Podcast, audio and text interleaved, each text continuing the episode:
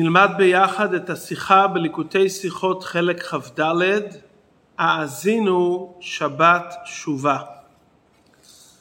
שירת האזינו היא שירה שהלוויים היו אומרים בבית המקדש כשירה על הקורבן.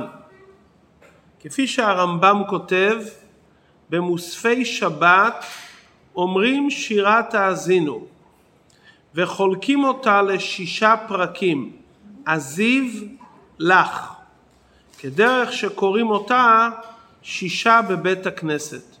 כלומר שירת האזינו יש בה כמה חלקים, כפי שאנחנו רואים בקריאה לתורה ראשון, שני וכולי, והראשי תיבות של תחילת הקריאה זה הזיב לך, ה' האזינו, ז' זכור ימות עולם, י' ירכיבהו, ו' וירא, כלומר זה תחילת פסוקים של שירת האזינו.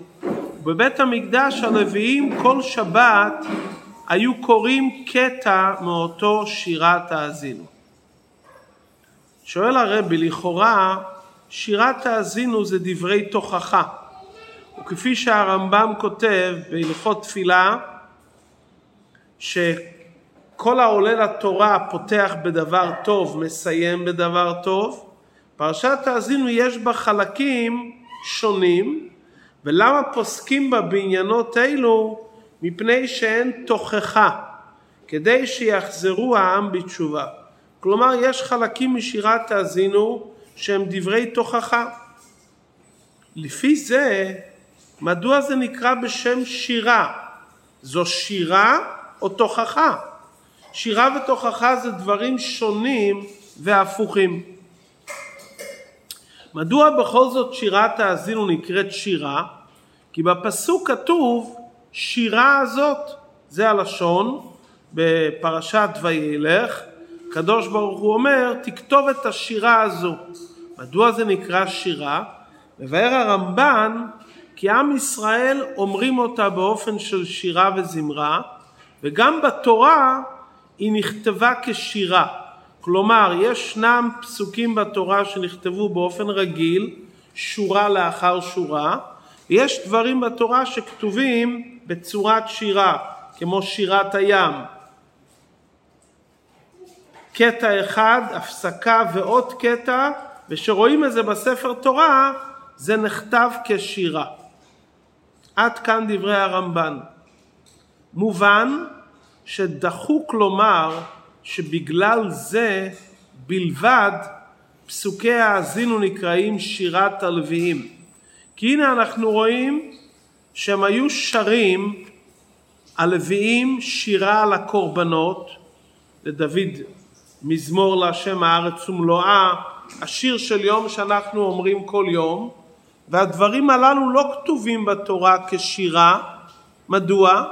כי התוכן של אותם פרקי תהילים שאמרו הלוויים באופן של שירה, התוכן שלהם זה שירה להשם. מתחיל מהשיר שהיו אומרים הלוויים ביום הראשון להשם הארץ ומלואה, ועד השיר של מזמור שיר ליום השבת, או מה שהיו אומרים במנחת שבת, תוכן השירה זה שבח להשם. כלומר שירה זה לא איך שזה נכתב, שירה זה על שם התוכן.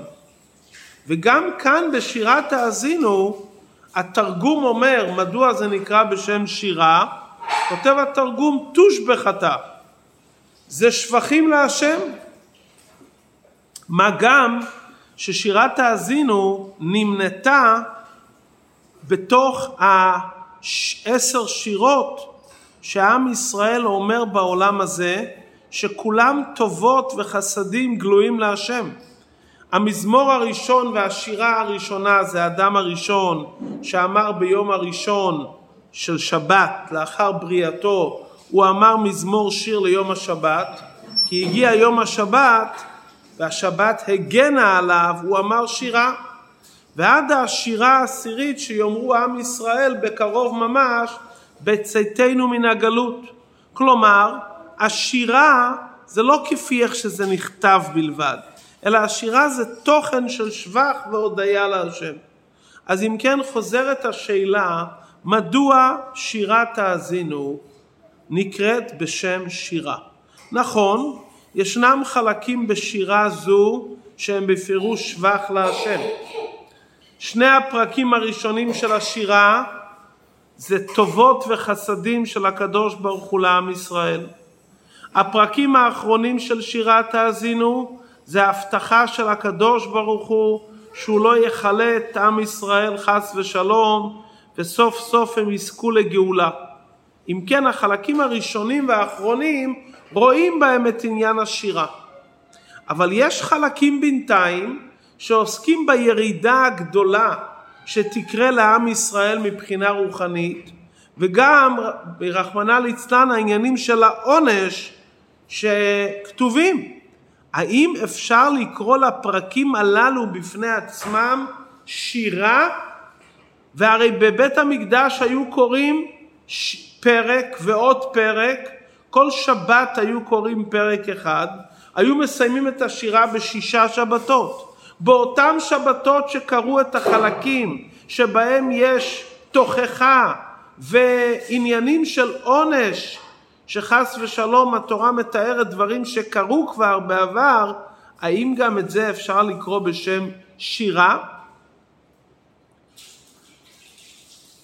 לפי החלוקה שהרמב"ם מחלק את שירת האזינו, אז גם החלקים רביעי וחמישי של השירה יש בהם איזה פסוקים מסוימים של נחמה ולא רק דברי פורענות. אבל עדיין, גם לפי החלוקה של הרמב"ם, רוב הפרק, רוב החלקים של רביעי וחמישי מדברים על תוכחה ועונשים. ואפילו החלק, בפרט החלק הרביעי שכותב לולי כעס אויב, גם זה תוכחה, כי המשמעות הוא שרק משום כעס של האויב, אז הכעס שהקדוש ברוך הוא כועס על האויבים, הוא לא קיים את מה שכתוב השביתה מאנוש זכרם, רחמנא ליצלן. וכל שכן לפי דעת רש"י, שישנם חלקים בשירה הרביעי חמישי שעוסקים כולם בעונשים לעם ישראל, האם אפשר לקרוא לחלקים האלו רביעי וחמישי שבשירת האזינו מהמילים ויער השם וינץ אפשר לקרוא לזה שירה? מבאר הרבי בסעיף ה' של השיחה שהרמב"ם מיישב את זה בדיוק לשונו.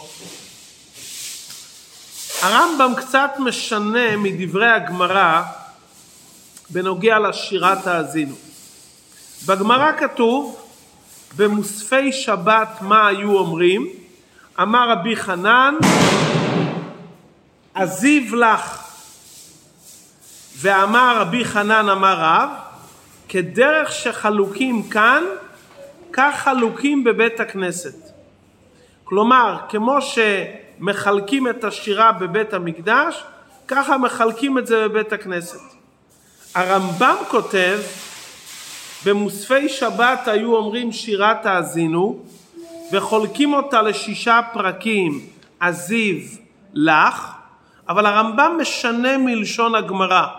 הוא אומר כדרך שקוראים אותה שישה בבית הכנסת ואומרים פרק בכל שבת, גמרו השירה בשישה שבתות, חוזרים לראש. כלומר, הגמרא אומרת כביכול שהחלוקה בבית המקדש זה יסוד הדברים, וכדרך שבשירת האזינו הלוויים בבית המקדש בתפילת מוסף היו חולקים את זה, ככה גם בבית הכנסת עושים את החלוקה. הרמב"ם נוקט שהחלוקה היא בבית המקדש כשם שחולקים בבית הכנסת. כלומר במילים אחרות מה יסוד החלוקה? האם יסוד החלוקה זה אופן אמירת שירת האזינו בבית הכנסת ומכאן למדים לחלוקה שהיו הלוויים שרים במוסף בבית המקדש או להפך שהחלוקה היא בבית המקדש ומכאן למדים לבית הכנסת הלשון של הרמב"ם, קוראים אותה בבית הכנסת. והרמב"ם אומר, אומרים שירת האזינו, והוא מסיים, גמרו השישה, השירה בשישה שבתות, חוזרים לראש. מה כוונת הרמב"ם בדיוק שהלימוד על שירה בבית המקדש זה כדרך שקוראים אותה בבית הכנסת. הרמב"ם רוצה ללמד אותנו מה גדר שירת האזינו במוספי שבת. ונקודת הדברים ששירת הפרק בכל שבת אינה שירה בפני עצמה, פרק שירה נפרד למוסף פרטי זה, אלא אומרים את שירת האזינו כל פרק ופרק זה מציאות אחת של שירה. כלומר כל ששת השבתות ששרים את שירת האזינו זה בעצם מציאות אחת של שירה אחת. הלוויים באמת קוראים פרק אחד בכל שבת, אבל הציווי הוא לשיר שירה אחת בכל שש השבתות. כלומר יש כאן תקנה אחת, לשיר את שירת האזינו כעניין אחד ושרים אותה בפועל פרק בכל שבת, אבל הציווי הוא על כל השש השבתות. ולכן הרמב"ן מוסיף ואומר, חולקים אותה לשישה פרקים, עזיב לך, כדרך שקוראים אותה שישה בבית הכנסת, סגנון הדברים שהוא רוצה לומר כשם שבבית הכנסת קוראים אותה שישה, אבל קוראים אותה בתור קריאה אחת, הרי בבית הכנסת קוראים את זה בשבת אחת, תוך כמה דקות קוראים את כל השירה, אומר הרמב"ם, תדע שגם מה שקוראים את זה במוספי שבת בבית המקדש, בעצם זו אמירה אחת של שירה אחת, אלא שהאופן שאומרים אותה כשירה אחת זה פרק בכל שבת. ולפיכך, מתי אפשר לומר שסיימו את העניין לומר את השירה? שגמרו לומר את השירה אחרי שישה שבתות, אחרי השש השבתות, אז חוזרים להתחיל עוד פעם את השירה. גמרו השירה בשישה שבתות.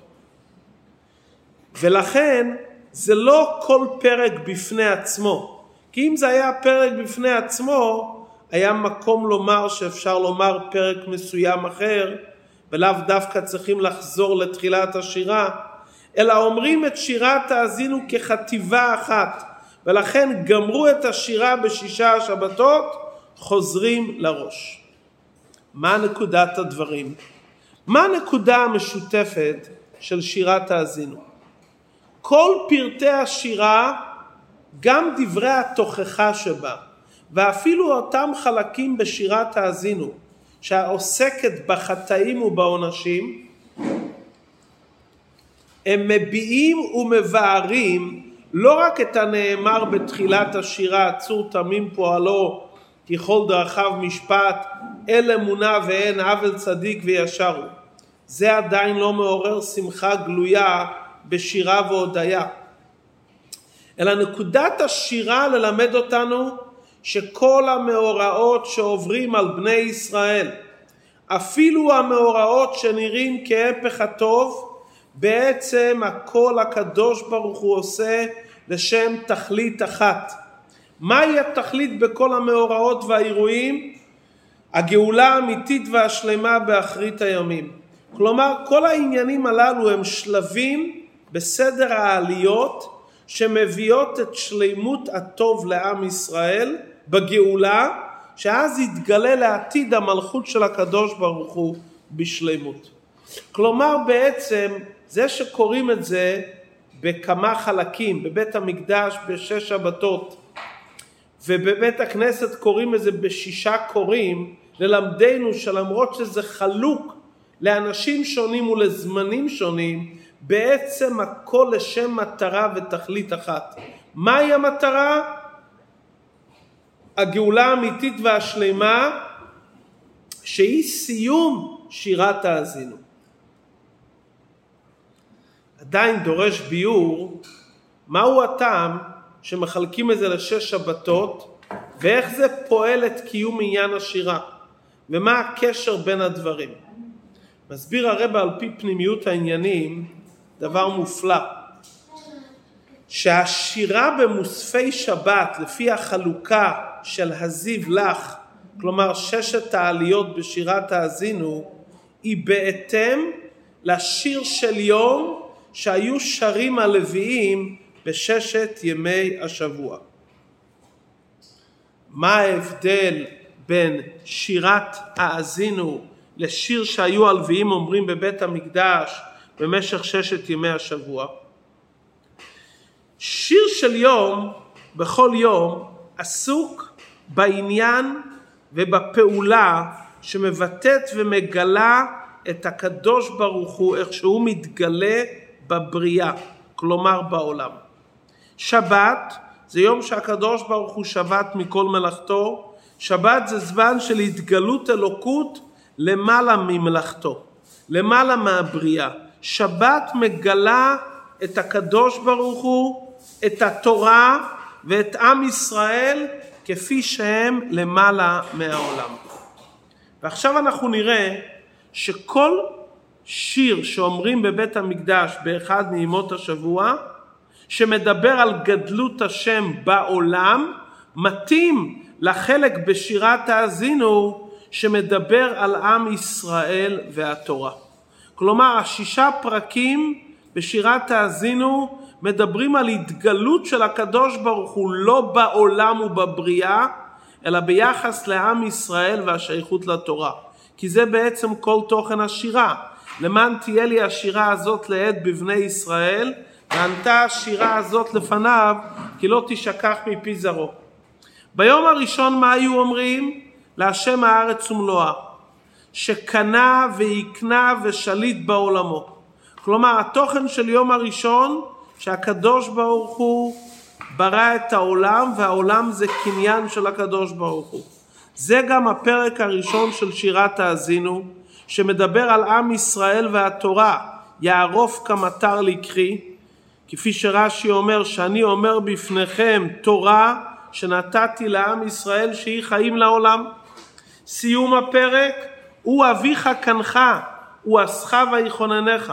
כלומר שהמציאות של עם ישראל קשורה עם הקדוש ברוך הוא, כשם שהעולם זה קניין של הקדוש ברוך הוא. הנה אנחנו רואים דמיון והשוואה בין שיר של יום לקטע הראשון בשירת האזינו. מה היו אומרים בשיר ביום השני? גדול השם ומהולל מאוד ביר אלוקינו הר קודשו. מסבירה הגמרא שהשיר הזה מלמד שהקדוש ברוך הוא חילק את מעשיו ומלך עליהם. כלומר, התגלות של הקדוש ברוך הוא בבריאה. מול זה אנחנו אומרים בשירת תאזינו בחלק השני, בהנחל עליון גויים יצב גבולות תמים למספר בני ישראל כי חלק השם עמו. כלומר שבני ישראל מתייחדים מכל האומות שהם קיבלו עליהם את התורה ואת המלכות. בהמשך אנחנו קוראים על ריבוי החסדים והטובות שהקדוש ברוך הוא עושה לעם ישראל. כמו שאומרים בשיר של יום, גדול השם ומהולל מאוד. ביום השלישי מה אנחנו אומרים? אלוקים ניצב בעדת כל בקרב אלוקים ישפוט.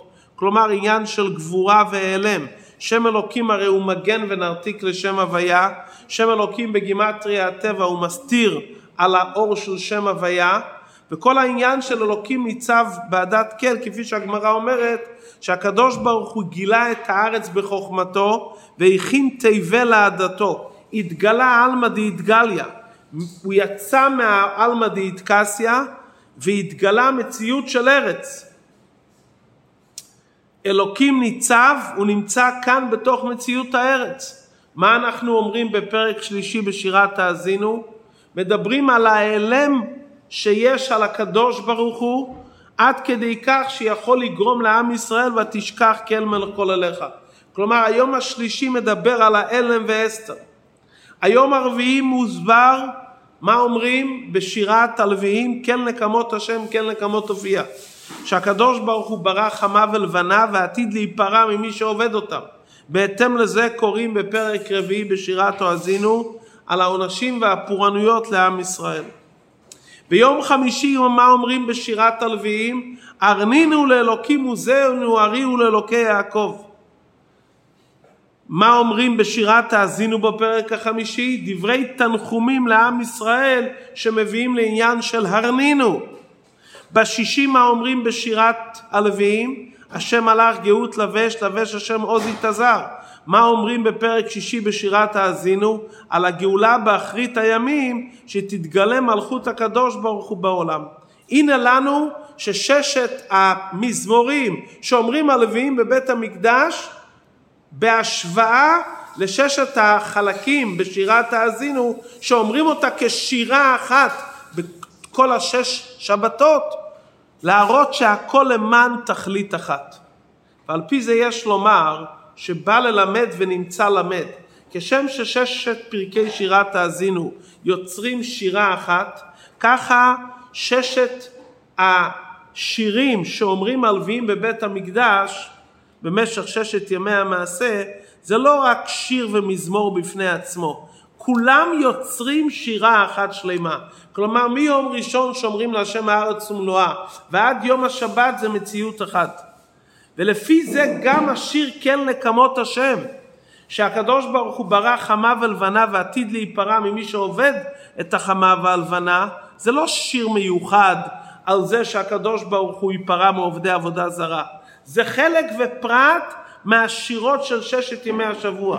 על ידי זה מתגלה שהקדוש ברוך הוא מלך על העולם, השם מלאך גאות לבש.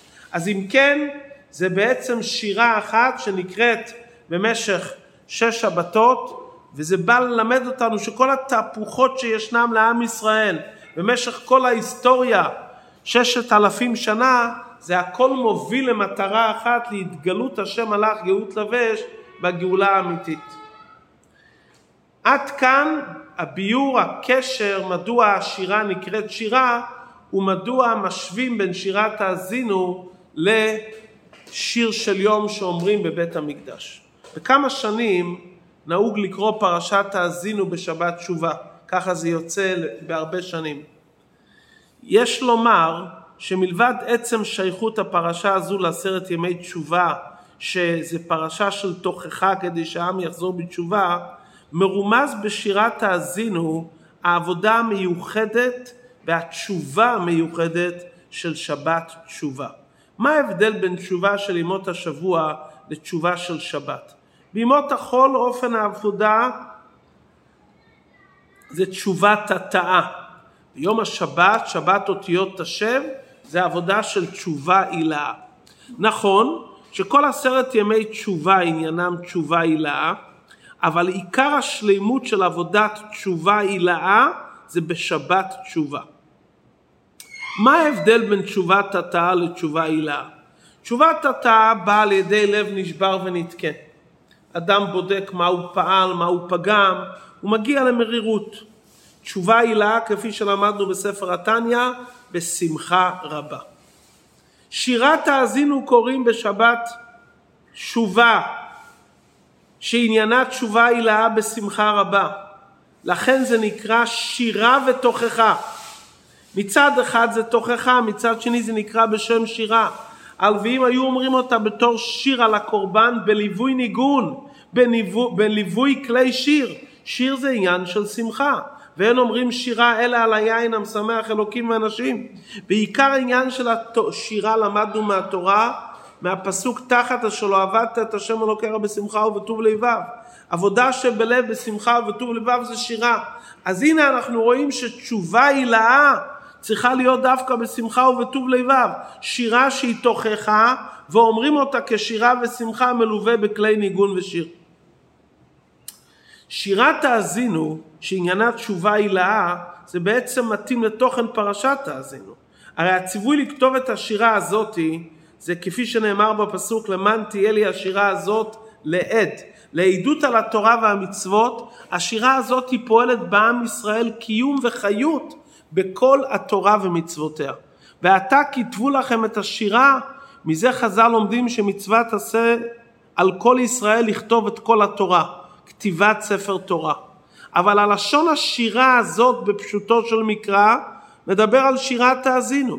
כי שירת האזינו זה עדות שנותנת קיום וחיות בכל התורה. כפי שידוע גודל מעלת לימוד שירת האזינו בעל פה, כי יש בזה הרבה סגולות. ומעניין שבתורה זה נמצא בפרק ל"ב בספר משני תורה, כפי שהתורה מתחילה בב' ומסתיימת בל'. החידוש בשירה הזאתי, כמו שהלב זה קיום וחיות כל הגוף, ככה התורה תלויה בשירת האזינו, זה הלב של כל התורה, משנה תורה. וזה תוכן עניין התשובה ובמיוחד תשובה הילאה, זה לא רק תשובה גשמית על עבירות, זה דרך בעבודת השם. מה זה תשובה הילאה? להשיב את הנפש למקורה ושורשה לדבקה בו.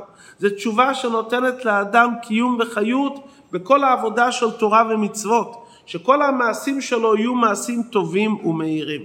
זה סוג העבודה של שבת תשובה, וסוג העבודה של תשובה הילאה, שעניינה בשבת תשובה ונרמזת בשירת תאזינו, הנקראת בהרבה שנים בשבת תשובה.